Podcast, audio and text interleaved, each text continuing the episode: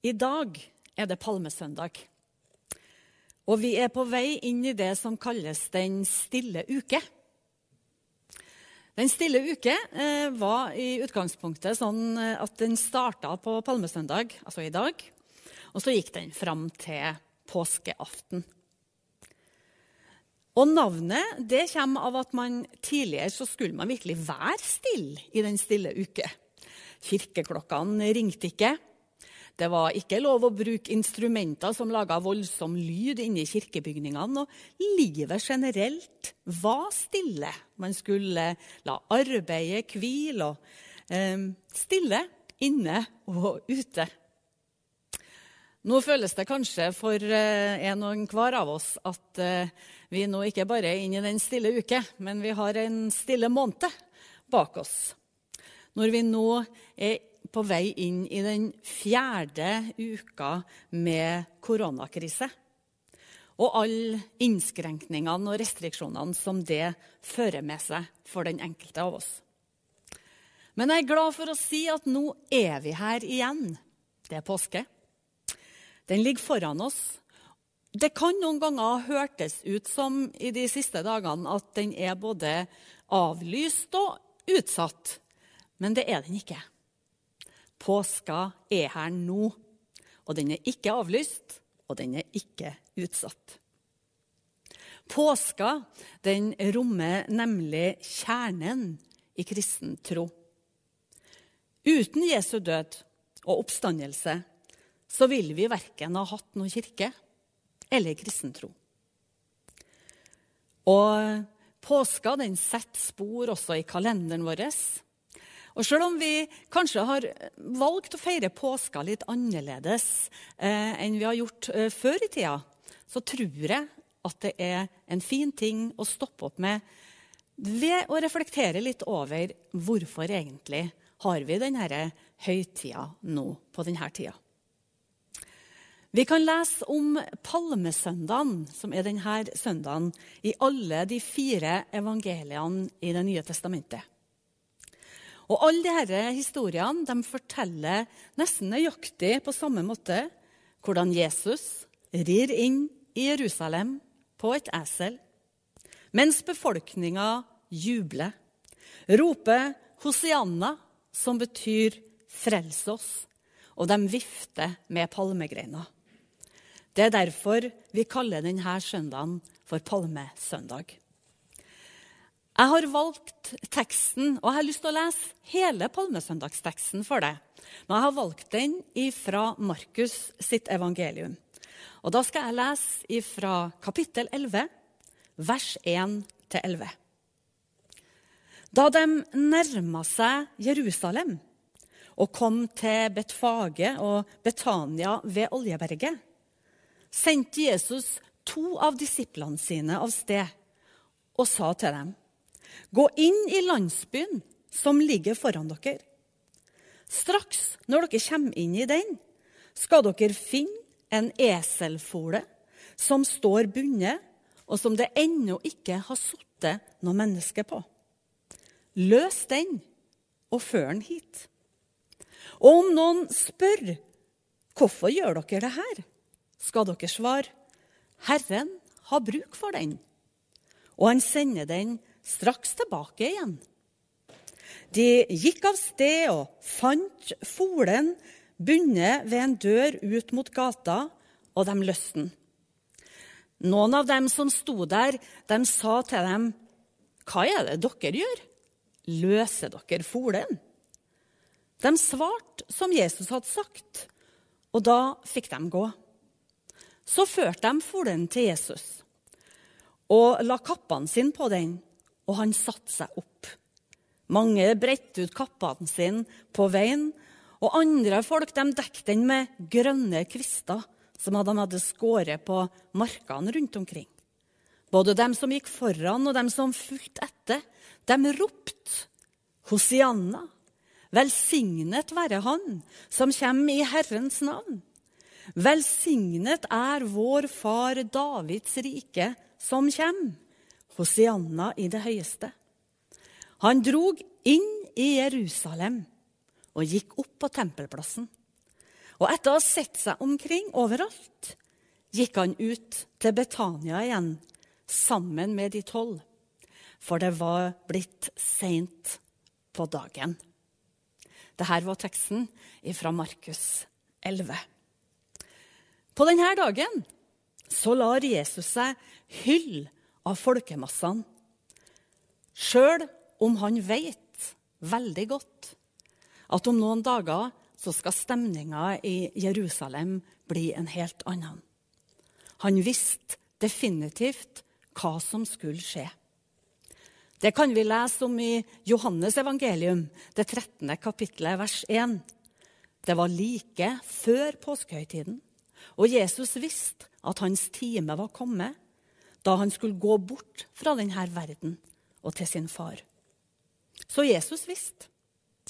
Men jeg har mange ganger spurt meg om hva visste disiplene? De tolv som hadde gått sammen med Jesus i mange år. De hadde besøkt alle byer og landsbyer i Galilea og Judea.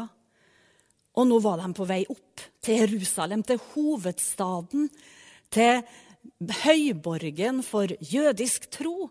Dit skulle de opp og feire jødisk påske, som minner dem om utgangen fra Egypt. Hva er det de egentlig vet? Egentlig fint lite. Vi skjønner når vi leser fra teksten om påskedramaet, at sjøl om Jesus hadde sagt til dem om hva som skulle skje, så var uvissheten og usikkerheten stor hos dem. Jeg kan bruke fantasien min litt og forestille meg den spenninga som kanskje var til stede de trodde kanskje også at Jesus skulle krones som konge i Jerusalem. Og det var jo ikke så rart heller etter inntoget på palmesøndag. Begeistringa var kanskje stor. Kanskje han ble anerkjent som jødenes Messias, også av de religiøse og folket. Men de var usikre. Er det én ting som jeg tror mange av oss har blitt klar over i akkurat den tida vi befinner oss i nå, så eh, er det hvor raskt ting kan forandre seg. Hvis noen hadde sagt til meg søndagen for fire uker siden at vi skulle oppleve det vi opplever nå, og at jeg står i et tomt kirkelokale og preker inn i et kamera når jeg er vant til at salen er full av folk Ja, jeg tror jeg kanskje hadde sett litt rart på deg og ikke helt trodd deg. Og kanskje tenkt at du burde ha bestilt deg time et eller annet sted. Og Sånn er det kanskje med oss også nå. Vi føler på den usikkerheten over det som ligger foran. Hva skjer nå? Hva blir det til? Hva skjer på onsdag når regjeringa skal gi oss nye retningslinjer for hva som skjer etter påske? Um, usikkerhet. Og det er legitimt og greit og helt i orden å kjenne på det. Og det er vi faktisk sammen om. Jeg har ei bok her med meg i dag eh, som jeg fikk låne av en god kollega for noen år siden. Eh, den heter eh, 'De som så han' av Jostein Ørum. Og Jostein Ørum han, eh, har gått inn i historien om påskens budskap ut fra Lukasevangeliet. Og Der har han funnet 40 personer som i løpet av påskeuka, helt fra palmesøndag og til og med oppstandelsessøndagen, som møter Jesus på forskjellig vis. En god bok som jeg bare kan anbefale. Og Jeg har lyst til å lese til deg i dag en beretning som står akkurat om palmesøndagen. Og Det er nettopp henta fra den som skulle hente et esel et merkelig oppdrag. Jeg så ham tankefull ved Oljeberget. Ansiktet var spent og blikket fjernt, festa på noe langt der framme Jerusalem. Øynene hans og tankene hans hvilte ved den store byen. Han ba meg om å hente et esel. Et esel vi ikke hadde et esel å ri inn i Jerusalem på. Jeg gikk av gårde usikker på hva jeg vil finne, og usikker på Jesus. Idet jeg gikk, så smilte han svakt til meg. Et smil som skjulte en hemmelighet. Så lenge jeg hadde kjent han, har det vært mye jeg ikke har forstått. Fra den aller første dagen har han gjort så mye som går over min enkle forstand. Ordene hans har sprengt det jeg trodde og visste. Og han har bedt meg om å gjøre ting jeg ikke har forstått. Nå i dag så var det en av de gangene igjen. Et esel. Jeg veit ikke hva han har fore. Og jeg har ikke sett for meg at det var slik han skulle ankomme Jerusalem. Men eh, så har jeg heller ikke venta noe av det andre som Jesus har gjort. For tida med Jesus har vært et liv med overraskelser. Som i dag. Jeg gikk bare fordi at han sa det. Det eneste jeg hadde, det var hans ord. Jeg fant eselet. Selvfølgelig gjorde jeg det. Jeg har sett for mye til ikke å tro på det han sier, men jeg blir like forundra hver gang. Og da jeg kom tilbake med eselet, smilte han igjen. Men ikke så hemmelighetsfullt lenger denne gangen. Det smilet jeg kjente, var tilbake. Det var som om han ertende spurte meg hva var det jeg sa. Og det fikk meg til å si Og jeg fikk meg ikke til å si at jeg var urolig. Urolig for det som skal skje. Urolig for byen foran oss. Urolig for hvordan menneskene ville ta imot den. Jeg så at han satte seg på eselet og rei mot Jerusalem, stedet der profeter hylles eller drepes. Jeg syns det var en nydelig historie som eh, forklarer litt om den usikkerheten som vi alle kan kjenne på også nå.